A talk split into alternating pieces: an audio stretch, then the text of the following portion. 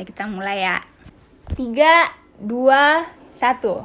Halo, Tania di sini. Isan di sini, And this is Apes Adinataka Adi Nataka Podcast Session. Session. Ah, nggak mau Gak kedengeran nggak tadi yang podcastnya? Bersama kita semua Bersatu dalam karya kembali lagi di podcast Adi Nataka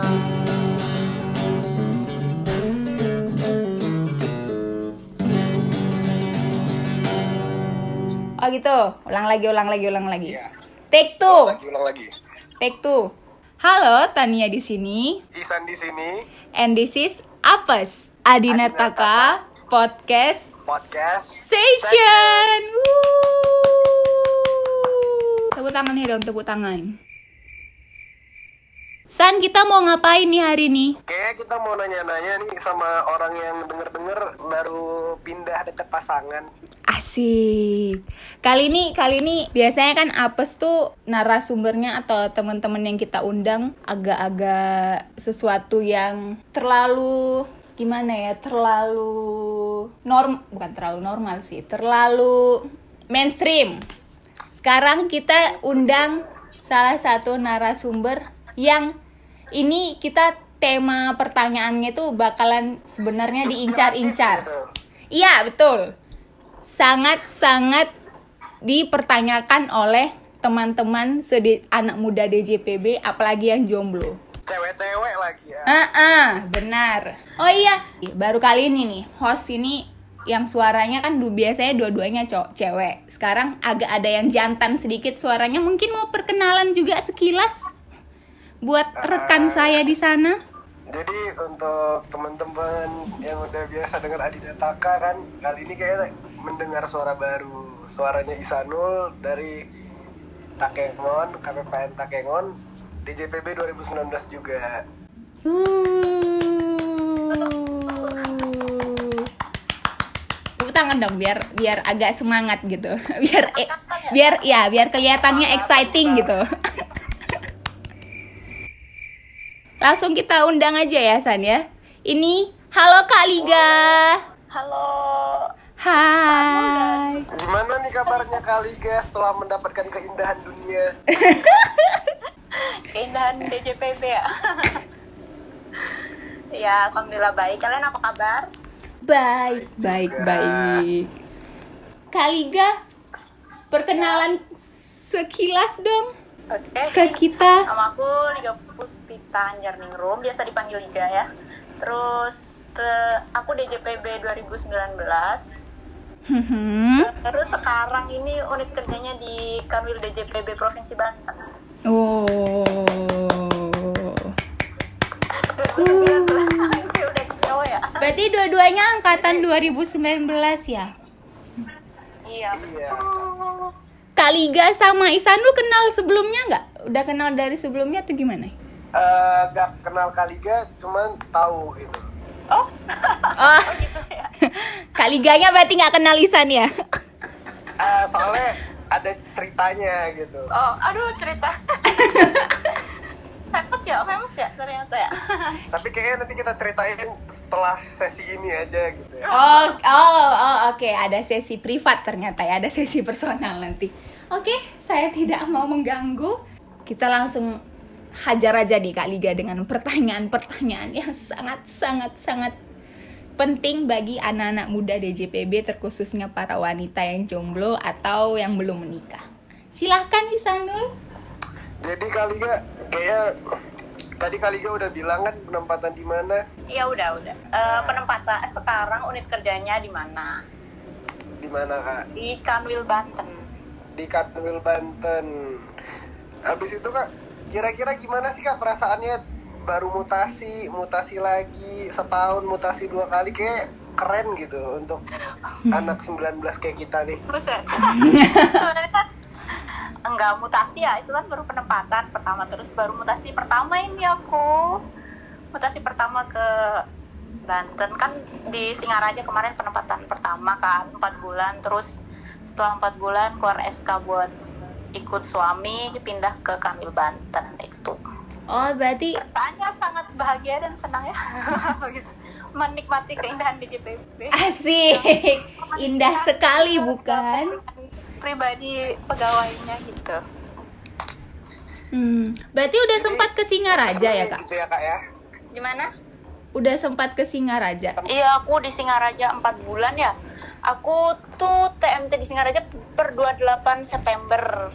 Hmm. Tuh, terus Januari aku udah mutasi ke Banten, Serang. Hmm. Gimana kak? Sedih gak gitu ninggalin Singaraja dengan keindahan Bali? Untuk Serang dengan keindahan kehidupan rumah tangga gitu. Seneng gak kak?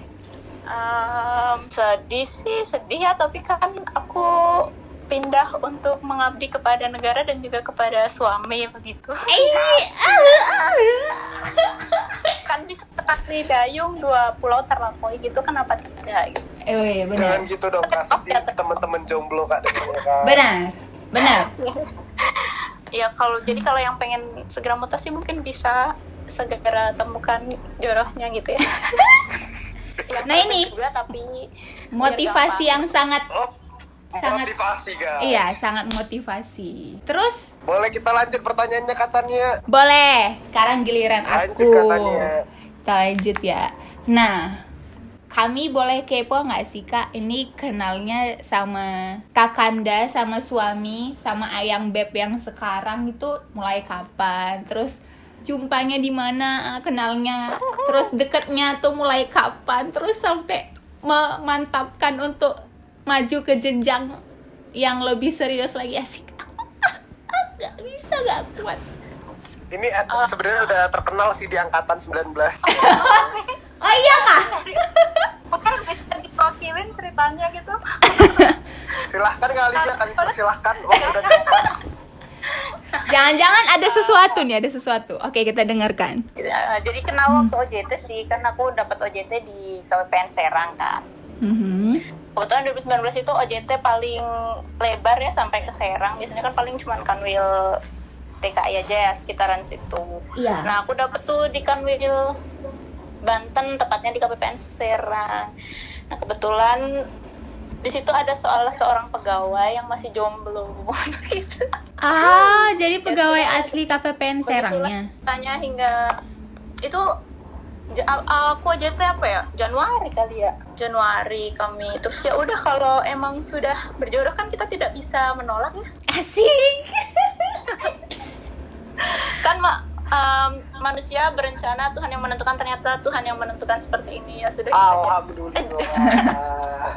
Oh, berarti literally betul-betul kenalnya cuma dari mulai dari OJT, terus lama-lama deket, akrab, terus ya ada tahap pacarannya nggak sih kak? Atau kayak langsung tunangan atau langsung gimana gitu? ya iya ada pacarannya bentar terus habis itu udah aja lamaran terus nikah udah gitu Wah, mulus ya. Lamarannya, lamarannya kapan? Agustus nikahnya Agustus juga Wah, Oh, wow. Itulah. Ya, karena emang udah ini sih, udah mantep aja gitu. Terus kan eh, senior dia bukan seangkatan. Hmm. Jadi ya sudah begitu. Terus aku tuh bener-bener menikah itu ya. Menikah tanggal 22 Agustus. SK itu sekitar tanggal 28 apa berapa itu? Ihsanul ingat nggak tanggal berapa? 28 atau tanggal berapa gitu? 28 nggak? 28. Iya. Seminggu setelah nikah tuh SK tuh bener-bener keluar kayak apa-apa kayak masih aduh langsung berangkat penempatan sebulan selanjutnya But, nikahnya di mana kak? Di Serang juga? enggak di Jakarta aku Kakak asli mana sih? aku aslinya Magelang cuman suami aku kan asli Jakarta terus karena kemarin pandemi juga ya udah menikah dengan sederhana di Jakarta Wah, and private Asik. Sih, gila private. tapi eh, private gitu kan kayak kabarnya menyebar gitu ya. ya kan angkatan 19 iya. kayak emang sih aku ternyata gimana ini aduh paling inspiratif nih angkatan. Pecah telur duluan. Pecah telur. Biasanya yang pecah telur duluan tuh pada heboh semua Oh seangkatan. enggak enggak sebelum belum pecah telur yang ini sih sebelumnya ada lagi Oh. paling hits ceritanya Gak apa-apa. Oh my god. Gak apa-apa Mungkin- pernikahannya sederhana.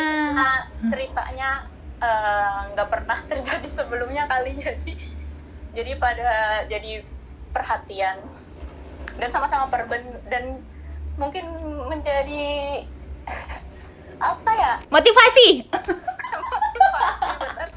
sangat motivatif ini Motivasi bagi para wanita khususnya. istri ya karena nggak bisa ikut istri ya kan iya.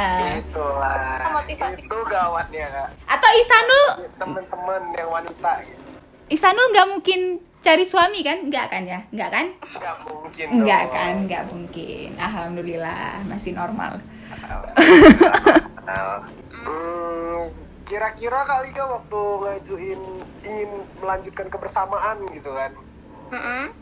di satu kota ribet nggak kakak ngurusnya? Pengajuannya tata caranya gitu. Birokrasinya lama nggak? Hmm, Oke, jadi sebenarnya kalau ribet sih enggak ya. Eh, semuanya tuh udah diatur. Jelas sih kalau di perben mah apalagi perben sama perben itu eh, jelas banget di seingat aku S. Ini agak ini ya agak eh, ini sedikit. Di S182 itu 182 tahun 2010 terus S5 15 tahun 2009 2009 kayaknya. Hmm. itu udah diatur semua cara ikut suami kan cara mutasi gimana hierarki ngajuin ke mana-kemana udah jelas sih. Jadi kalau masalah ribet itu enggak. Jadi aku ngajuin ke kepala kantor ke terus dari kepala kantor diteruskan ke kanwil kanwil ke SDM SDM diteruskan ke tujuannya itu enggak ribet karena sekarang juga ada ada Nadine kan jadi kita Mhm. juga tahu trackingnya tuh udah sampai mana udah sampai mana kita tahu gitu jadi nggak ribet cuman mungkin eh, akan menjadi ribet kalau seandainya kan itu hierarki tuh Eh, di Iya. hierarki itu tingkatan itu mungkin ada sedikit kendala gitu mungkin itu akan jadi lebih ribet gitu. tapi kalau secara birokrasi sih nggak ribet sebenarnya Tuh. kayak aku kemarin eh, surat maju itu tanggal 7 Januari kan aku tanggal 25 Januari itu SK-nya udah keluar. 27 deh 27 Januari. Cuman 20 hari nggak sampai Oh, SK mutasi balik ke Serangnya tanggal 27 Januari ya? iya. Oh berarti beda SK sama yang temen-temen mungkin senior-senior kita yang udah mendaftarkan nikah duluan gitu ya kak ya. Iya. itu kan akhir tahun kan ada SK ya? Iya, itu yang Desember tuh, Nah, seangkatan belum aku semua. aku belum ngajuin oh ngajuinnya setelah mutasi gitu setelah Ngaju- abang tit mutasi gitu. Ngajuinnya itu setelah aku udah PNS juga kan. Kan kita Oh. PNS itu Januari per 1 Desember ya? Iya. Tuh aku tanggal 7 langsung ngajuin ikut suami. Sebelumnya kan aku belum ngajuin. Itu sebelumnya juga kan kita belum PNS kan? Iya. Oh, syaratnya harus PNS ya, Kak? ya? Enggak sih sebenarnya. Cuman aku karena aku kan konsultasi terus nih sama kepala kantor aku sama KSU aku di kantor lama. Saraninya kayak episnya udahlah nunggu PNS dia dulu gini-gini. Yang penting juga tipsnya mungkin banyak-banyak komunikasi sama kantor lama sih kalau mau ngajuin kayak gitu. Karena kan yang lebih tahu ya mereka terus mereka maunya gimana gitu. Manut aja kita ngikut aja. Kayak aku kemarin disaranin setelah PNS setelah PNS aja ya udah aku ikutin. Dan ternyata emang cepat aja gitu. Dua puluh, ya udah pindah aja. Iya. 20 hari doang loh. Ternyata cepet. Ada SK sih. Emang jadwalnya ada SK buat katanya ah, ngangkut yang sebelumnya SK sebelumnya yang istri-istrinya belum ikut itu. Nah, kebetulan masih ada aku gitu. Jadi SK-nya dirapel ya?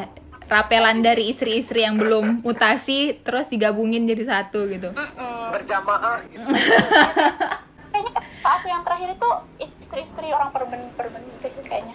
Tapi aku berarti juga satu SK isinya perempuan semua gitu ya kak ya? Iya eh tapi itu kan ada dua SK tuh. Kalau SK yang sama aku iya cewek-cewek cewek. Tapi kalau SK yang satunya kayaknya enggak deh oke Ya, jadi biasanya gitu kalau SK itu satu paket gitu loh ada ada SK nanti pasti ada SK ikut suami yang mengikuti Aku mau nanya, aku mau nanya. Mm-mm. Kalau boleh tahu tuh kan yang sesuai dengan eh, persyaratannya kan kita bisa lihat dasar hukumnya di S1 berapa tadi? 9 atau 10? Eh, S15 SE 15 2009 sama S182 2010 S182 tahun 2010. Nah, yang persyaratan administrasi aktif yang harus dipersiapkan tuh apa aja kak? Oke, kalau itu jadi ada surat nih. Kayak sebenarnya di panduan SDM tuh juga ada sih. Terus yang terbaru lagi tuh yang per 17, tapi itu kayak baru banget per 17 tahun 2020. Oh ada lagi. Itu- Iya, itu lebih kayak selama ini kan kayak ikut suami gitu-gitu ruslah. Ruslah tau nggak ruslah?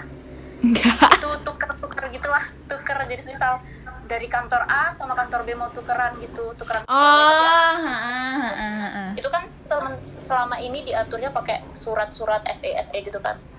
Nah kata per 17 ini lebih menampung semuanya gitu. Jadi termasuk mutasi ikut suami itu semua di per 17 cuman emang aku juga belum punya itu per 17 tahun 2020 karena baru disosialisasiin sosialisasiin gitu. Terus kalau masalah tadi yang eh, dokumennya apa aja. Jadi ada surat permohonan ya permohonan ikut suami. Itu nanti beda juga tuh formatnya kalau suaminya perben kayak apa suaminya non perben seperti apa gitu. Biasanya kalau di suaminya perben dia ada kalimat yang menyatakan permohonan mendahului SK gitu. Jadi sebelum SK turun tuh diminta apa mohon bisa melaksanakan tugas di tempat baru gitu Hmm. titipan lah istilahnya begitu Hmm. Oh, berarti status pegawainya masih di kantor lama ya kak ya? status pegawai masih di kantor lama cuman dia melaksanakan tugas di kantor yang baru. eh, ya baru yang tempat satu tempat sama suaminya itu kalau sama-sama perben bisa tuh tuh kayak jadi sistemnya kayak kita OJT itu loh kita kan pegawai sedi sedijen tapi kita kerjanya di KPPN mana KPPN mana gitu kan Ah. ya itu surat permohonannya itu kepada yang terhormat terus Direktur Jenderal Perbendaharaan UP Sekretaris Dijen Perbendaharaan melalui kantor wilayah bla bla bla melalui kepala KPPN bla bla bla kan hierarki ya jadi dari kepala KPPN terus kepala Kanwil terus ke Sedijen gitu tuh terus nanti surat itu itu dilampirin sama SK-nya suami, SK kita, akte nikah, KP4, KP4 yang tahu kan ya di PB Open ada itu. Iya. Terus juga kalau misal setahu aku kalau dia cewek terus punya jabatan di misal eselon 4 gitu mau ikut suami itu harus meletakkan jabatannya gitu jadi ada surat pernyataan meletakkan jabatan kalau emang dia mau ikut suami dan dia menjabat sedang menjabat gitu Oh, aku juga pernah dengar isu itu sih kemarin pas OJT kayak kalau mau ikut suami ya jabatannya ya harus direlakan gitu. Berarti bener ya? Jadi Itu kalau misalnya menjabat tapi kalau karena sih kayak kita ya udah kan Oh. emang ya, di sana juga nggak ada ini karena mungkin beda ya eh, polanya udah pejabat Pejabat. Mm-mm. hmm, Pokoknya itu udah ada di di E SE 1529. Jadi buat teman-teman yang mau mengajukan ikut suami mungkin bisa dilihat di situ. Ada juga di panduan SDM kok. Jel- lengkap semuanya ada formatnya kayak apa, itu apa itu semua ada. berarti benar-benar digampangin ya sekarang tuh. Mm-mm. Sebenarnya nggak nggak susah juga sih. Nggak susah kalau buat itu. Jadi untuk teman-teman nggak usah takut susah ya kak ya? Iya. Yang penting doa aja sih, yang penting ajuin terus doain aja. Iya, sama yang penting udah ada suaminya. Yang penting udah ada. Itu yang paling Iya. penting. Jadi katanya kapan nih? ah, gimana? Kapan ya ikut gitu kayak Kaliga gitu kan? Mohon maaf, suami saya masih itu masih manggung di MBC K-pop. Iya. Astagfirullah. Masih latihan, Amin, masih Kak latihan. Dewa. Jadi kalau misalnya aku paksain buat ikut mutasi dia kan susah gitu ya. Jadi aku, KPPN Korea gitu ya? ya KPPN filial di Jeju, Jeju Island. Ngap tuh kayak kalau kan kalau kampus mau ngasih SPD ya kan? Aku gitu, susahnya tuh gitu. Maaf, bercanda ya, bercanda. Canda Jeju. Canda Jeju. Tapi kalau boleh ada orang Korea di Jeju nggak apa-apa. Siapa tahu. Sadarkan dia ya Allah. Nggak apa-apa, nggak apa-apa. Kita kita harus fokus, fokus dulu, fokus belajar dulu. Masih banyak yang harus dikejar. Asik, Asik. asik. Kaliga mau nanya nih Kaliga nanti kalau misalnya udah ngajuin gitu udah selesai oke dari pusat kita taunya gimana? SK langsung tiba-tiba atau ada konfirmasi dia nanti gitu? Oh, kalau aku kemarin ya sebenarnya eh, karena aku beruntung tadi bilang aku ya eh, awal tadi bilang beruntung. Jadi pas aku ngajuin tuh pas mau ada SK gitu. Jadi aku ya dikonfirmasi melalui SK tersebut gitu. Tapi kalau mungkin untuk buat teman-teman yang mengajukan lalu sifatnya dititipkan eh, yang mendahului SK tadi mungkin ada jadi dari kanwil yang baru kanwil yang lama kan bersurat nih ke kanwil yang baru. Maksudnya baru yang mau dituju. Nah itu mungkin ada tanggapan yang menyatakan bersedia untuk menerima dia sebagai pegawai titipan mendahului SK itu mungkin bisa langsung ikut ke ini sih melaksanakan tugas di tempat baru sih tapi kalau aku kemarin kan langsung SK jadi ya jelas kalau SK mah nggak usah nggak bisa di itu lagi kan Nggak ada lobby-lobby gitu ya? Nggak ada lobby-lobby lagi kak?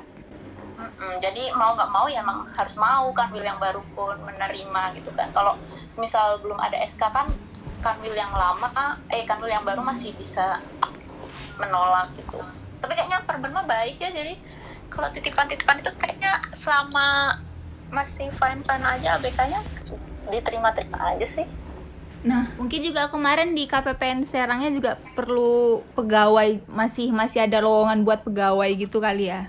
Ya, aku Jadi di gampang. kanwilnya sih ya ABK-nya masih mungkin kurang gitu ya jadi Hmm. di- Oh iya, deh kan wilnya. Hmm, hmm, hmm. Tapi temen-temenku kemarin tuh yang di dapat SK mutasi, SK mutasi akhir tahun tuh rata-rata ke Jakarta sih. Emang Iya, karena suaminya kan- ke Jakarta itu- juga. ya? Ya kan kayaknya angkatan 2018 banyak juga itu yang udah mengajukan gak sih? Iya, pada ih, seangkatanku ya Allah, D1 semua yang masih umur 20 21 tuh udah pada nikah banyak. Kak, aku kayak Makanya kapan kapan sampai kapan berharap filial Korea itu dibuka?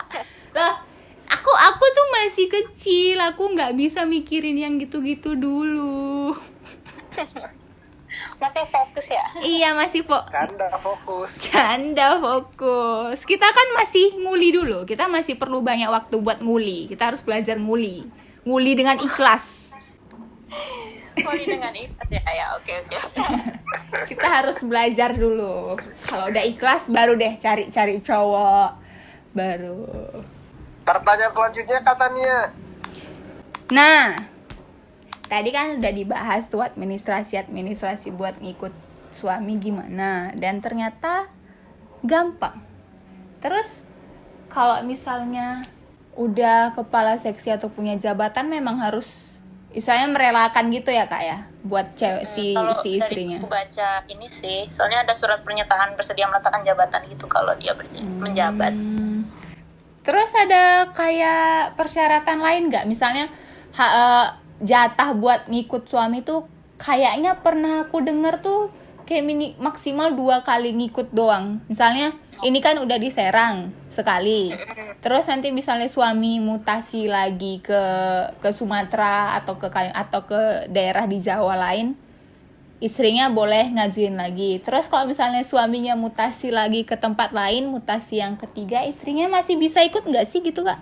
Kalau sesama perben sih sebenarnya setahu aku unlimited ya. Jadi selama selama suami mutasi gitu mutasi-mutasi aja ikut aja gitu.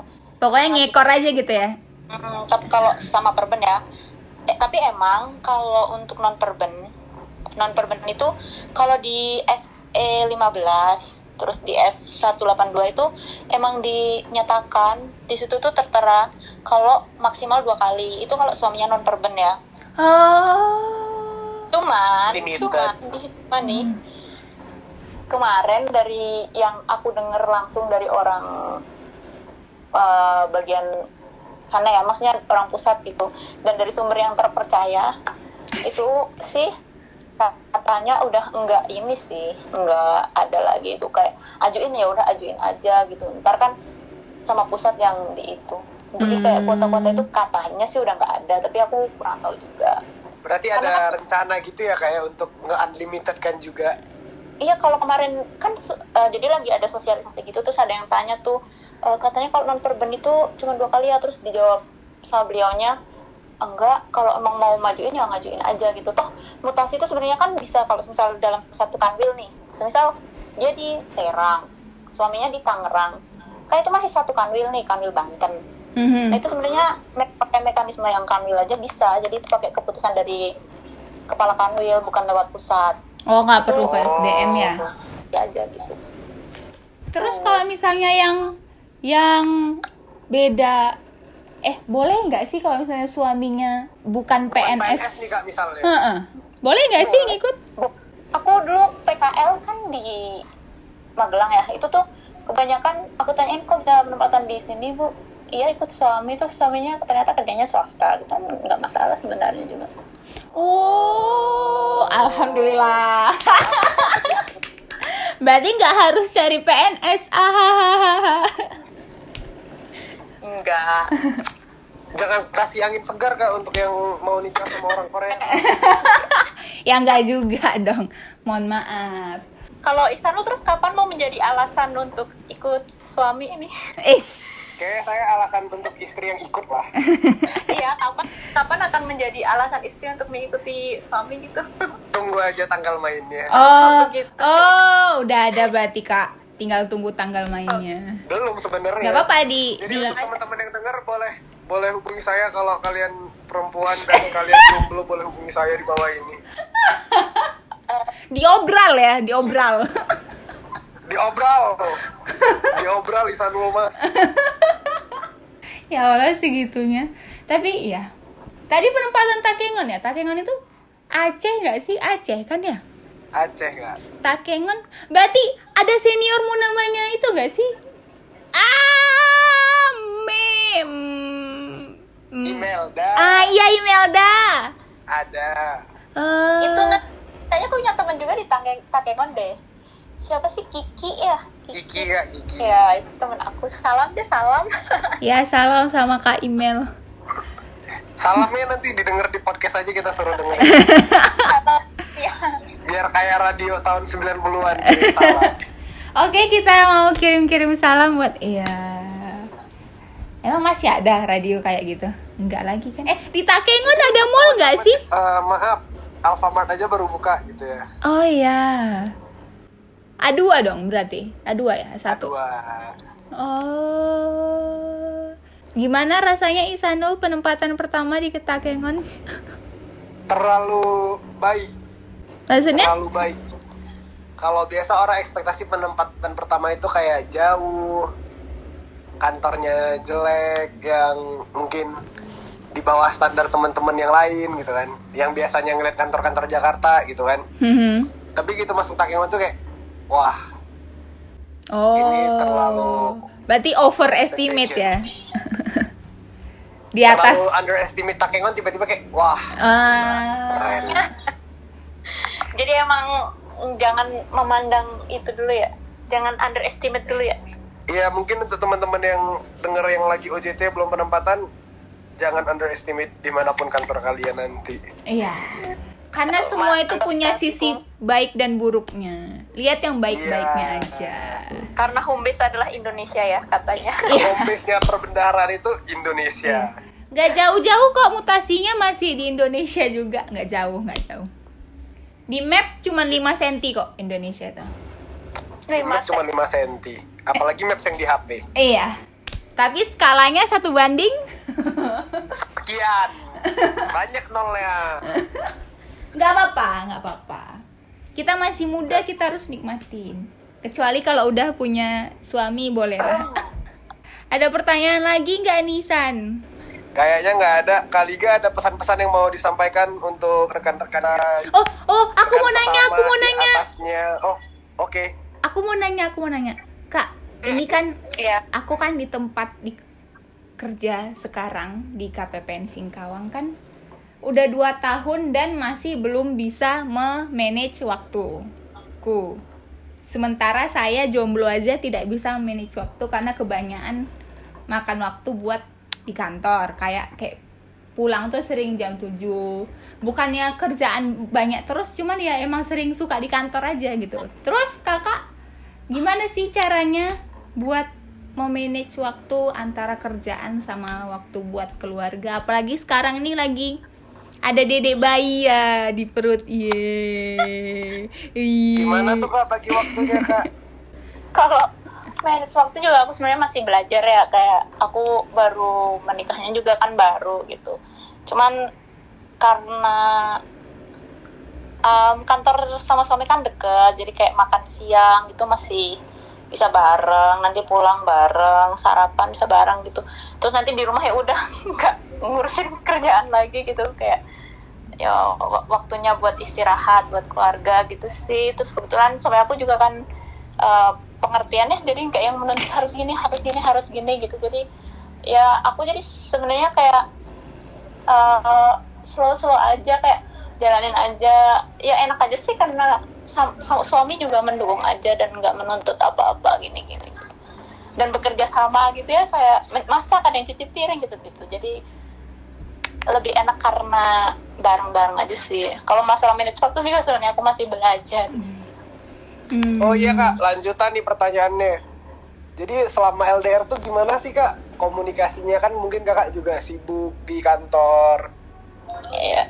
Suami kakak sibuk itu gimana kakak cara manage waktunya pas lagi long distance marriage gitu? Em, aku kebetulan dulu sama sih waktu di daerah tuh sa- pulangnya malam ya kalau di daerah ya nah itu terus- Benar. dan oh, beda sejam kan Wita sama Wip kan nah itu terus ya pokoknya setiap malam harus bisa nyempetin buat komunikasi sih harus menyempatkan untuk video call atau telepon gitu harus menyempatkan gitu sama percaya aja suami terus ya udah sharing sharing cerita gitu. yang penting jangan sampai kehilangan cerita dalam keseharian masing-masing ya gitu Keep kontak Berarti sama komunikasi dan rasa percaya gitu Yes. yang paling penting ya kak ya. Benar. Setuju. itu maksudnya juga kan kita sama kan kerjaannya jadi pasti tau lah kayak gimana saling-saling ngerti aja Ya, pengertian benar, benar. Gitu sa, nanti jadi suami orang tuh gitu. Pengertian, percaya, komunikasi. dan jangan menuntut macam-macam Tuh dengar. Aduh, kena nih. Buat teman-teman pria di sana, karena yang cewek juga kerja, jadi tolong pengertiannya. Dan teman-teman perempuan di sana jangan baperan kalau kelamaan dibalas chatnya karena yang cowok juga kerja. Gitu. Percaya gitu, percaya wahai wanita, Oke. percaya. Gimana kak? kok curhat sih Oh, ini based on true story sebenarnya. oh gitu ya Oke. Tuh kan jadi curhat. Dah. Kan Kayaknya pembahasan kita hari ini kita sudahi karena Kak Liga mau family time gitu ya. Kayaknya kan Sebelum family time kita kasih Spesial, waktu untuk spesial. family time dengan yang the special one gitu kan. iya. One. Heeh. Dengan Jadi, yang Kita tersayang. tutup aja hari ini Kak Tania, setuju? Setuju. Oh iya, sebelum sebelum sebelum Isanul tutup, aku mau promosi buat temen-temen yang dengar tapi belum follow Instagram Adinataka bisa di follow di @adinataka underscore da underscore lagi underscore dan di YouTube-nya channel Adinataka. Nama channelnya Adinataka. Oh iya, kita soon bakalan upload video apa kabar kau di sana yang episode keempat. Jadi stay tune aja. Jangan lupa pantengin Instagramnya Adinataka karena info selanjutnya akan diposting di situ. Begitu. Terima kasih kepada Kak Liga. Makasih Kak Liga. Semoga dedek bayinya lahir dengan selamat dan sehat. Amin. Terima kasih ya. Kirim salam sama suaminya. Boleh boleh nggak sih? Boleh nggak? Boleh nggak nih? Boleh nggak? nih? Kirim maaf Boleh. juga Kak Liga. Oh, Kirim maaf juga udah eh kamu memotong masih tentang waktu cerita keluarganya. ya, Ih hasil ya. Cerita apa? Oh iya, oh iya. Sebelum kita tutup, kita kasih cerita space untuk cerita besar. Apa ya? Jangan, jangan. Kayak eh, nggak boleh diceritain, jadi nanti kita bahas secara private. Oh oke oke oke oke oke. Anak kecil nggak boleh denger ya. Anak kecil kayak aku nggak Anak boleh kecil denger. Nggak boleh denger nih. Oh iya ya udah deh. Kita tutup aja. Saya Tania. Saya Jadi lihat. saya mohon maaf atas segala kekurangan sebagai penyiar pertama hari ini dan mungkin ada salah-salah kata dari kami berdua. Jadi tolong dengar terus apes. Adinataka Podcast Session. Podcast session. Eh, makasih Kak Liga. Makasih Kaliga. Makasih Isan. Makasih juga katanya. Mohon maaf kalau aku kurang-kurang. Gak apa-apa, first juga, try. Thank you.